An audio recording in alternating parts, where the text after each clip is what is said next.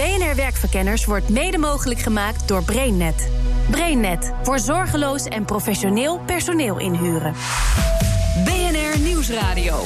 BNR Werkverkenners. Geachte meneer slash mevrouw. Met veel plezier heb ik uw vacature gelezen. U zoekt iemand die gedreven, leergierig en met vijf jaar werkervaring. Zoek niet verder, die heeft u gevonden. Ah, dit is het ook niet helemaal. Nou, goed. Solliciteren. Uh, je hebt het vast en zeker ook wel eens moeten doen. En het is soms zeer frustrerend, vooral het schrijven van zo'n briefje. Uh, en ondanks dat de werkeloosheid aan het dalen is... zo'n 5% van de beroepsbevolking volgens het CBS... betekent het niet dat je weinig concurrentie hebt voor die ene leuke baan. Een goed en actueel cijfer voor het gemiddeld aantal sollicitaties per facturen is niet echt te vinden. Maar de schattingen lopen uiteen van een paar tot soms wel tientallen reacties op die ene leuke baan. Kortom, wil jij leuk werk, dan zul je moeten solliciteren. En wil je winnen met een sollicitatie, dan zul je moeten opvallen. En opvallen, dat kan niet iedereen. Dus in BNR Werkverkenners deze week de vraag... moet solliciteren niet een verplicht vak worden op school? BNR Werkverkenners. Met Rens de Jong. De eerste die mij met mijn onderzoek helpt is professor Strategic Talent Management aan de Nijrode Universiteit, Liedewij van der Sluis. En zelfs voor een professor Talent Management was solliciteren iets lastigs om te leren. Ja, ik heb het ook met vallen en opstaan moeten leren, want je wordt natuurlijk dan gewikt en gewogen. Uh, dat vond ik moeilijk. Maar wat maakte het dan zo moeilijk? Je kunt maar beter eerlijk zijn over wat je allemaal te bieden hebt. Dus dan ben ik eerder geneigd om ook die zwakke kanten maar mee te geven. Maar dat is bij solliciteren niet zo handig. Liedewij heeft twee kinderen op de middelbare school. En zij leert ze hoe ze zich moeten presenteren op de arbeidsmarkt. Van uh, wat moeten ze daar doen? Wat is uh, ook qua etiketten, de norm? Daar moeten ze nog wel erg aan wennen. Oh, want zij denken, well, iedereen zit toch op ons te wachten. En dat komt toch wel goed. De deuren zwaaien open. Maar ze merken inderdaad dat dat toch wel wat anders is. Maar gelukkig voor iedereen die solliciteren lastig vindt, het is net als fietsen. Ja, de behendigheid groeit wel. Dus naarmate je dat vaker doet, eh, word je daar behendiger in. Zoals met fietsen ook. Vandaag zoek ik dus uit of solliciteren een vak moet worden op school. Wat vindt Liedewij als, als enige professor talent management van Nederland eigenlijk? Vind ik eigenlijk wel een heel goed idee. Hoe is het nu op de scholen gesteld? Je hebt twee kinderen, dus je ziet het een beetje op school. Wordt daar iets over aan gedaan? Uh, ja, ze gaan uh, in die mentorles wel in op wie ben ik, wat wil ik en waar ben ik goed in en wat voor vakkenpakket moet, moet ik kiezen. En in de eindfase van de middelbare school, daar zit mijn zoon, die, daar zie ik wel heel duidelijk al uh, ook hoe kun je straks toegelaten worden tot een studie. Ook dat is natuurlijk een soort, soort sollicitatieproces. Mm -hmm. ja. Dus ze zijn er wel mee bezig en okay. ze worden daar door een mentor in begeleid. En wat voor, wat voor lessen krijgen ze dan? Hoe ziet dat er dan uit? Uh, brieven zie ik langskomen. Dus oh ja. ze moeten sollicitatiebrieven schrijven. Ook in het Engels. Uh, dus dat gaat heel erg serieus al. Ik kan me niet herinneren dat ik het zelf heb uh, moeten doen vroeger. En uh, ze gaan toch ook al wel op stage in het laatste gedeelte van hun uh, middelbare school. En dan moet je ook leren om een stage te zoeken en te vinden. En zorgen dat je een stageplek krijgt. En ja. ook dat is een sollicitatieproces. Maar kortom, dat zit al wel een beetje, beetje. in het onderwijs. Maar ja. dat mag meer, begrijp ik. Ja, het is nu nog een beetje spelende wijs. Maar ik zou dat wat serieuzer nemen. Op Nederrode kan ik zeggen, is dat wel een verplicht onderdeel. Oh ja? Leren solliciteren. Ja, je leert hoe je moet kleden, hoe je moet gedragen. En dat doen we natuurlijk met name omdat we veel internationale studenten hebben, die hebben geen idee wat in Nederland normaal is. Oh ja? Dus die leren dat. En, en wat zijn de grootste learnings dan? Waar, waar, waar zitten ze te klapperen met hun oren als we dat vertellen? Ja, dat weet ik niet. Volgens mij met je mond dicht eten. als, je, als je een koekje krijgt. Ah, nou, dat is andere koek. Verder met mijn onderzoek. Mijn naam is Marcia Goddard. Ik ben neurowetenschapper bij Young Capital. En dat is een beetje vreemd. Maar bij Young Capital hou ik me vooral bezig met het ontwikkelen van assessments. Die dus een nog beter profiel geven van de kandidaten die wij bij werkgevers plaatsen. Marcia vindt een verplicht vak solliciteren ook een prima plan. Want ze merkt dat jongeren op dat gebied achterlopen. Ja, we, we zijn natuurlijk heel erg gericht op jonge mensen. Dus we zien heel veel mensen die net klaar zijn met hun MBO, HBO of WO-studie. En ongeacht het opleidingsniveau zie je dat jongere mensen het moeilijker vinden om zichzelf te presenteren. Oh. Maar waar, en dat ligt dus aan gebrek aan ervaring? Ik denk het wel. Solliciteren leer je natuurlijk door het te doen. En ook op jonge leeftijd heb je jezelf nog niet helemaal door. Je hebt jezelf nog niet zo goed leren kennen. En als je kijkt naar sollicitatiegesprekken, meestal gaat het niet alleen maar om het goed kunnen uitleggen van je werkervaring, want dat staat op je cv. Het gaat om goed kunnen uitleggen wie jij bent. Hoe zit ik in elkaar? Wat, wat zijn mijn sterke punten? Wat zijn mijn zwakke punten? Dat is natuurlijk het ding dat altijd bij sollicitatiegesprekken wel aan bod komt. Noem nou eens een paar sterke punten aan Ah, jezelf. er hebben mensen toch ook die jong zijn, op de, eh, die van de universiteit afkomen, van het HBO afkomen, toch wel over nagedacht. Niet altijd. Nee? Nee, niet altijd. Maar dit, is, ook als dit je- lees je in alle tips. Denk, eh, wel, dit zijn de meest gestelde vragen tijdens een interview. Klopt inderdaad. En je kunt er ook op oefenen zelfs. Ja. Hè? Want er zijn gewoon online assessments die je kunt doen om jezelf een beetje te leren kennen. Maar ook al weet je wel wat jouw sterke punten zijn, er wordt natuurlijk in zo'n sollicitatiegesprek altijd gevraagd: geef eens een concreet voorbeeld. Dan word je best wel voor het blok gezet als je dat niet al vaker gedaan hebt. En het helpt dan als je het van tevoren al een keer geoefend hebt. En sommige mensen doen dat zelf. En sommige mensen hebben er ook wat meer aanleg voor. Maar ik denk dat het heel goed zou zijn als daar specifiek aandacht aan wordt besteed op school. Zijn er onder die studenten, jongeren, eh, eh, ook misverstanden over solliciteren? Nou, ik heb zelf op de universiteit gewerkt. ehm, en ik merkte daar dat veel studenten die bijna klaar waren met hun studie, nog steeds dachten dat het is, nou, ik ga solliciteren en dan kom ik aan bij dat gesprek en dan moet ik wat vertellen over mijn werkervaring. En dan word ik het wel of dan word ik het niet. Maar daar gaat het in gesprekken niet echt meer om. Want ik bedoel, bij bedrijven komen 50 sollicitaties binnen. Allemaal mensen met ongeveer dezelfde werkervaring. Dus het gaat niet alleen maar meer om wat je gedaan hebt, maar wat ik eerder al zei, om hoe goed jij jezelf kunt presenteren. Denken ze er ook te makkelijk over? In mijn ervaring met studenten op het WO, soms wel. Ja. Ja. ze hebben, ik heb zelf lesgegeven bij psychologie. En nou ja, de, de, de, de markt voor psychologen is enigszins krap. Ehm, dus je moet jezelf wel heel goed weten neer te zetten. En daar zijn ze zich nog niet altijd echt van bewust. Want wat gebeurt er dan als je dat tegen ze zegt? Dan schrikken ze. Ze Ja. hebben echt geen idee dat het, dat het zo is, dat het moeilijk is om aan een baan te komen. Dat je soms tien keer moet solliciteren voordat je een keer er doorheen komt. En omdat een goede sollicitatie zo belangrijk is, praten wij er in dit programma niet alleen over, maar gaan we je ook helpen. Onze redacteur. Kees Dorrestein heeft negen sollicitatietips voor je opgezocht op basis van verschillende onderzoeken. En dit zijn de eerste drie. Tip 1. Plan je interview rond half elf in de morgen. Volgens banenplatform Glassdoor is de beste tijd voor een sollicitatiegesprek de beste tijd voor de interviewer. Niet voor jou. Maar als je dan toch een keuze krijgt, kies dan half elf ochtends en als het kan, op een dinsdag. Dat zou de tijd zijn dat hij het meest relaxed is. Plan je het te vroeg in de morgen, is de interviewer waarschijnlijk nog te druk met wat hij die dag allemaal moet doen. Plan je het te laat, dan is hij al lang bezig met wat hij straks na zijn werk moet gaan doen. Je wil natuurlijk niet je baan verliezen omdat hij al lang aan het denken is hoe hij nu weer dat wortelprakje aan zijn dochter gaat geven. Tip 2. Spreek energiek. Als je slim over wil komen, dan moet je energiek praten. Volgens Leonard Mlodinov, schrijver van het boek Subliminal... How Your Unconscious Mind Rules Your Behavior...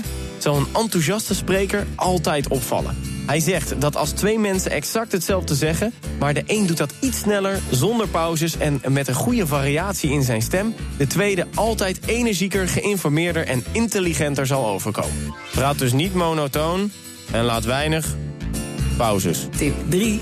De kleur van jouw kleding bepaalt hoe mensen je zien. Career Builder heeft ooit een onderzoek gedaan onder managers en HR-professionals... over wat zij associëren met de kleur van jouw kleding tijdens een gesprek. 23% zegt draag blauw, want dan kom je over als een teamplayer. 15% zegt draag zwart, want dan straal je leiderschapskwaliteiten uit. De andere kleuren? Grijs staat voor analytisch, wit voor georganiseerd, bruin voor betrouwbaar en rood voor macht. Oranje, dat kan echt niet. 25% zegt dat je dan onprofessioneel overkomt.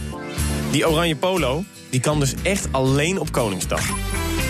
Terug naar Marcia Goddard van Young Capital. Ze is voorstander van het verplichten van sollicitatieles op school.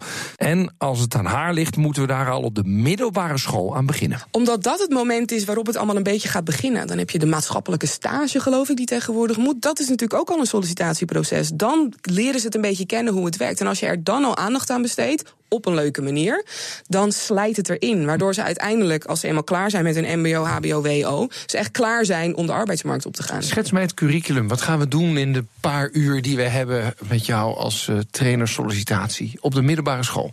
Ik zou het vooral richten op rollenspellen. Ik zou zeggen, laat een, zet een vacature uit, een, een, fictieve vacature, en laat ze daar maar gewoon op solliciteren. Dus laat ze een brief schrijven, een cv maken, en ga vervolgens tijdens zo'n workshop een sollicitatiegesprek met ze voeren. Ja, en de, de leraar is de, degene die eh, de, de selectie doet, of, of een medeleerling? Ik zou zelf zeggen, haal mensen uit het werkveld en maak ja. dan een soort commissietje. Een leerling, een leraar en iemand daadwerkelijk uit het werkveld die iets kan zeggen over hoe de persoon zich neer heeft Ja, gezet. en waarom vind je dat belangrijk dan? Ehm, omdat ik denk dat mensen van buitenaf eh, een soort objectieve blik erop kunnen werpen. En die hebben gewoon heel veel ervaring natuurlijk. Iemand die al aan het werk is in dat werkveld kan daar veel beter iets over zeggen dan een medeleerling. De non-profit organisatie Jink zet mensen uit het werkveld in om sollicitatietrainingen te geven op scholen. Verslaggever Jigo Krant is bij zo'n training voor VMBO-leerlingen op het Welland College in Amersfoort. Ja, goedemorgen, Hoi. Juri. Welkom. Hey Juri, Pieter, welkom. Juri. Kom maar binnen.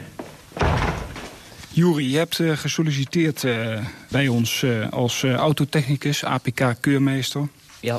Kun je ons vertellen waarom jij bij ons wilt komen werken? Ehm, nou, ik ben al heel lang gek op auto's en zo. En eh, ja, ik dacht, het lijkt me wel leuk. Oké.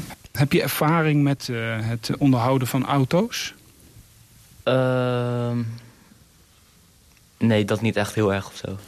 En waarom hier bij ons solliciteren? Wat bedoel je precies? Wat voor bedrijf ben je op zoek naar? Het, naar een autobedrijf. ja, maar wat voor verschillende autobedrijven zou bijvoorbeeld voor jou niet interessant zijn? Bij eh, auto's verkopen. Ah, oké. En waarom Daar niet? niet. Ja, omdat het me toch niet leuk lijkt. Meer de techniek en het te bouwen en echt bezig te zijn met eh, de auto. Ja. Ik zie dat je de mbo-opleiding voor autotechnicus... Joris is zojuist gesolliciteerd voor automonteur. Ja. Dat was natuurlijk nep. Wil je echt automonteur worden? Ja, ik wil het echt worden, ja. Oké. En wanneer gaat die echte sollicitatie plaatsvinden? Ehm, over anderhalf jaar ongeveer. Dan ben je klaar hier met school. Ja. Dat duurt nog wel even. Ja, dat ik nog wel even. Heb je wat gehad aan die eh, sollicitatieles? Ehm, ja, ik heb wel dingen geleerd, ja. Zoals? Goed voorbereiden. Ja, er waren wel wat vragen waar je geen antwoord op wist, Ja. hè? Dus we moeten nog extra voor, eh, voorbereiden. Van welke vragen het nou moeten komen en zo. Ja. Vind jij dat een vak als sollicitatieles verplicht zou moeten worden? Ja, eigenlijk wel. Want dan krijgen eh, kinderen of mensen krijgen dan ook meer, ja, meer informatie mee. Kinderen of mensen? Ja, En tot welke categorie behoor jij? meer kinderen. Ik denk dat het goed is om eerst een rondje te maken. Ja, om de medeleerlingen te horen over, eh, over Juri. Sanne en Fabian? Hij begon goed met eh, binnenkomen en zo. Alleen een tip was wel dat hij ook wat beter rechtop moest gaan zitten. Ja. Eh, Milan, denk ik, heeft ook gekeken. Ja, hij praat duidelijk. Alleen hij moet wat vaker met u aanspreken. Dat is een goed punt. eh dankjewel, eh, Milan. Juri, ik vond je, je cv en de manier waarop je je presenteerde heel, heel, heel goed. Toon van den Boogaard, sollicitatietrainer bij Jink. Het Welland College waar we nu zijn eh, geeft u ruimte om deze lessen te geven, maar het is niet verplicht. Zou het wat u betreft wel verplicht moeten worden? Ja, ik denk dat dat een heel goed idee is om het eh, verplicht te maken. Omdat eh, leerlingen in het eh, VMBO vaak uit toch de lagere sociale klasse komen. En die hebben behoefte aan een stukje extra vaardigheid... die ze bijvoorbeeld thuis niet kunnen opdoen. En eh, uiteindelijk komen ze dan makkelijker aan een baan. Juist in het, eh, in het VMBO, MBO zou ik daar extra aandacht aan willen geven. ja. Zometeen gaat mijn onderzoek verder voor BNR Werkverkenners. Dan hoor je dat nieuwe werknemers moeten gamen als sollicitatie. In dit geval gaat het om een gokspelletje. En je hoort andere opvallende sollicitatietips. BNR Nieuwsradio. BNR Werkverkenners. Hallo, ik ben Rens de Jong en vandaag doe ik onderzoek of solliciteren een verplicht vak moet worden op school. In mijn onderzoek word ik geholpen door Marcia Goddard, neurowetenschapper bij Young Capital, en professor talent management Liedewij van der Sluis. En zij vertelt me dat solliciteren vaak ook gewoon geluk hebben is. Heel veel in loopbanen is toeval. Nou, Dus de maakbaarheid van een loopbaan of van een carrière of van een selectieproces is heel klein. Toch denken we dat die groot is. ja. Is er dan zo'n grote mismatch? Gaat het nou zoveel mis dan met mensen? Ik zie wel op de arbeidsmarkt dat er heel veel talent verspild wordt. Omdat er op eendimensionale manier naar mensen wordt gekeken. Er wordt nog steeds heel erg gekeken vanuit van wat heeft iemand gedaan. Dus in de achteruitkijkspiegel wordt gekeken. Wat heeft iemand gedaan? Wat voor diploma's heeft iemand? Wat voor eh, opleidingen heeft iemand gevolgd? Maar in de huidige wereld kom je er niet met diploma's en is kennis van vroeger misschien wel verouderd. Dus het is nu veel belangrijker om mensen aan te nemen die niet alleen heel veel kennis als bagage hebben bijgetankt in het verleden, maar ook willen veranderen, creatief kunnen nadenken, kansen zien in de markt, ehm, innovatief uh, willen werken, et cetera, et cetera. En blijkt dat uit een cv? Nou, misschien niet.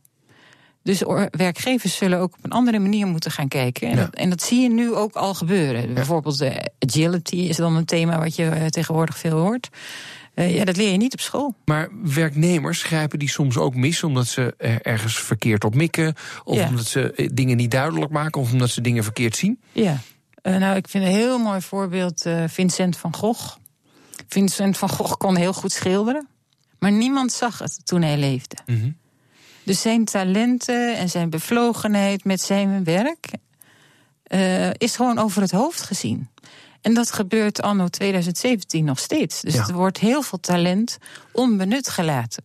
Omdat er op eendimensionale manier wordt gekeken. Ja, maar dan, oké, okay, er wordt verkeerd gekeken... maar dat kun je bijna niet beïnvloeden als jij Vincent van Gogh bent. Dus je zult ook iets moeten leren om dat, die bevlogenheid, uh, te laten zien. Ja. Waar gaat dat dan mis? Ja, dat gaat mis op um, de, de, koppeling tussen wat er al is. Dus de status quo is, je moet uh, een aantal opleidingen gedaan hebben... en dat maakt je dan geschikt. Ja.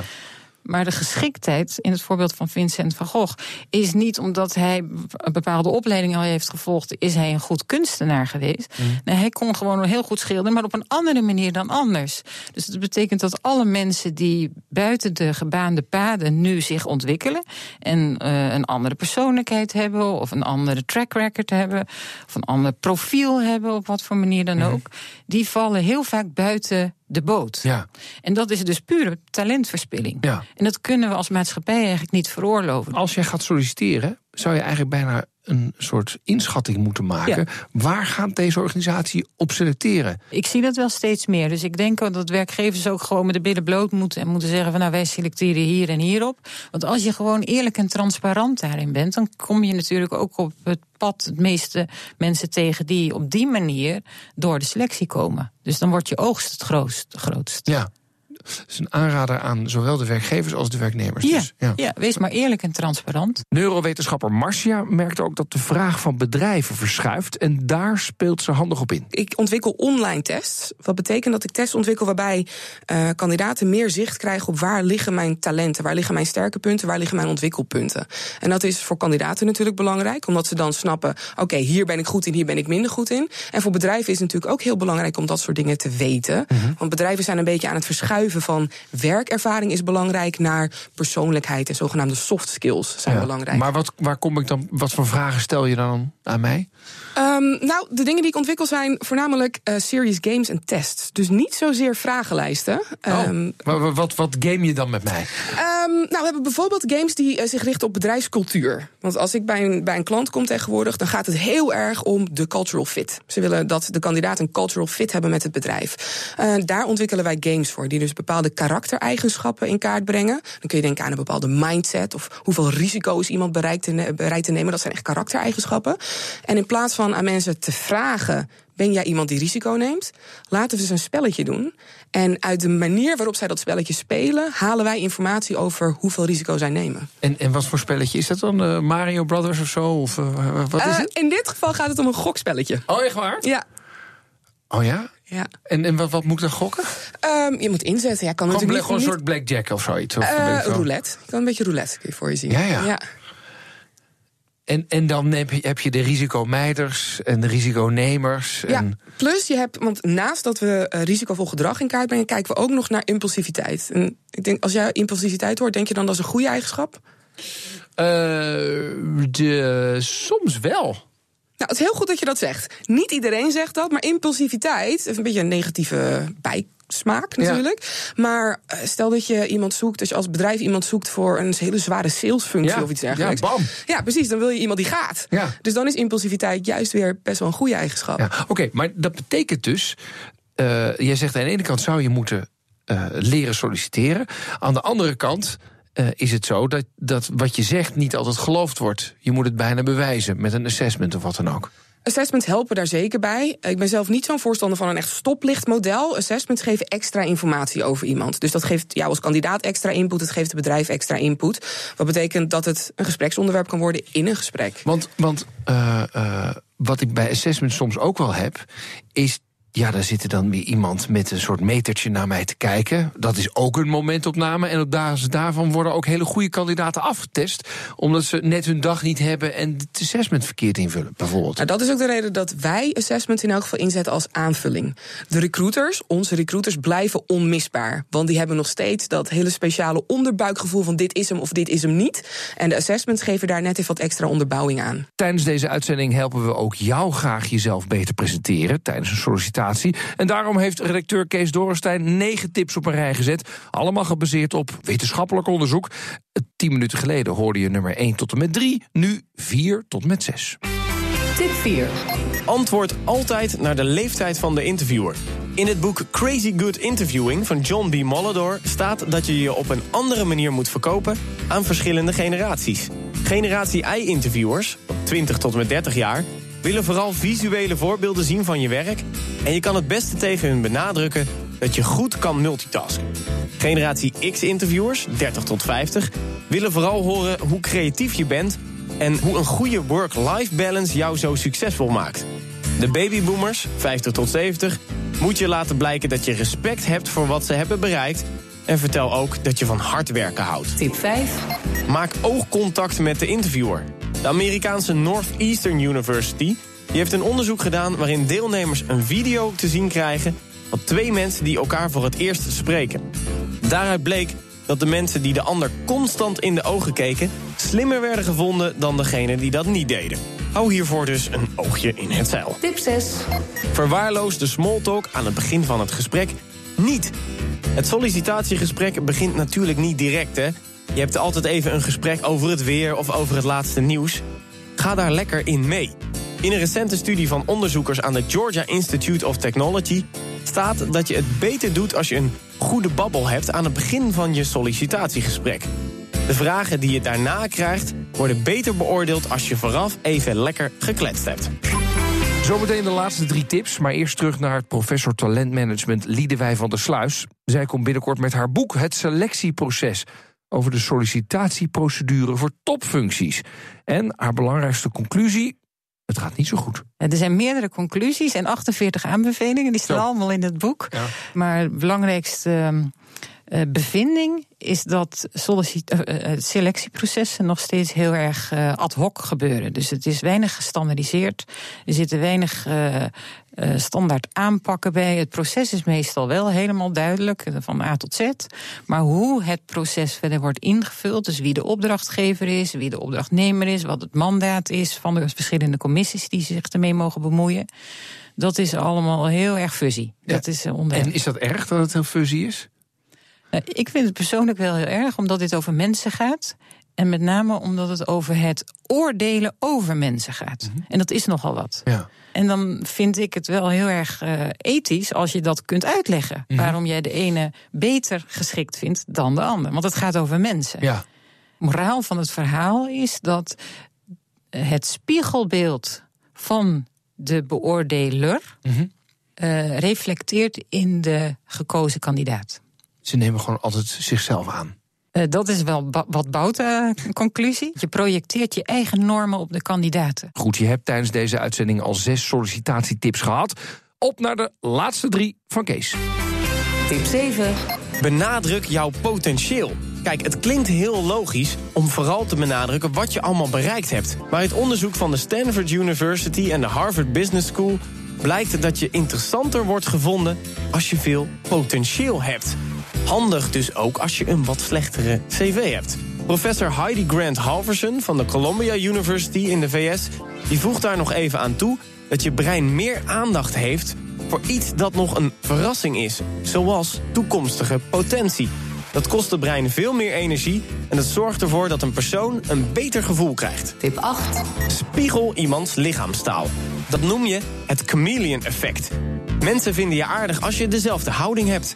Volgens lichaamstaaldeskundige Patty Wood is het eigenlijk net als dansen. Je moet hetzelfde bewegen als jouw interviewer. Als iemand op een bepaalde manier gaat zitten, doe dat dan ook. Maar bedenk wel, het chameleon-effect is een bekende in de managementwereld. Dus doe het subtiel, of zoals Toontje Lager het zou zeggen... met je gedanst. Ik hoop dat je het leuk vond. Tip 9. Vraag de interviewer waarom hij jou heeft uitgenodigd. Klinkt gek, ik weet het. Misschien zelfs een beetje pocherig. Maar het helpt echt. Volgens psycholoog en eh, schrijver Robert Cialdini... moet je dit vragen omdat jouw interviewer dan direct gaat denken... over waarom je bent uitgenodigd... en dus over jouw sterke kanten. Zo is hij al aan het begin van het gesprek gefocust op jouw positieve punten... en dat houdt hij in zijn achterhoofd tijdens je gesprek. BNR Werkverkenners. De conclusie. De vraag was, moet solliciteren een verplicht vak worden op school? En de mensen die wij hebben gesproken zeggen volmondig ja. Een paar tips. 1. Laat het geven door professionals uit het werkveld. 2. Het sollicitatieproces verandert. Persoonlijkheid wordt steeds belangrijker. Laat kinderen uitzoeken wie zij precies zijn. 3. Het is natuurlijk belangrijk om in te spelen op wat de werkgever wil, maar lukt dat niet, maak je nou geen grote zorgen, dan hebben ze het gewoon even niet in jou gezien. Het blijft een beetje een loterij. En vier, werkgevers zorgen ervoor dat het geen loterij wordt. Zorg ervoor dat je je eigen voorkeuren kent. Want soms laat je fantastisch talent lopen omdat ze niet genoeg op jou lijken. En dat is zonde. Volgende week gaan wij op zoek naar het antwoord op de volgende vragen. Wat zorgt voor geluk op de werkvloer? Hoe creëer je dat? En is het belangrijk dat al je mensen gelukkig zijn? Wil je nou op de hoogte blijven van dit programma? Volg dan onze LinkedIn-pagina BNR Werkverkenners. En abonneer je natuurlijk op de podcast via iTunes of BNR. Want dan kun je ook makkelijk alle andere afleveringen terugluisteren. Werk ze en tot volgende keer. BNR Werkverkenners wordt mede mogelijk gemaakt door BrainNet.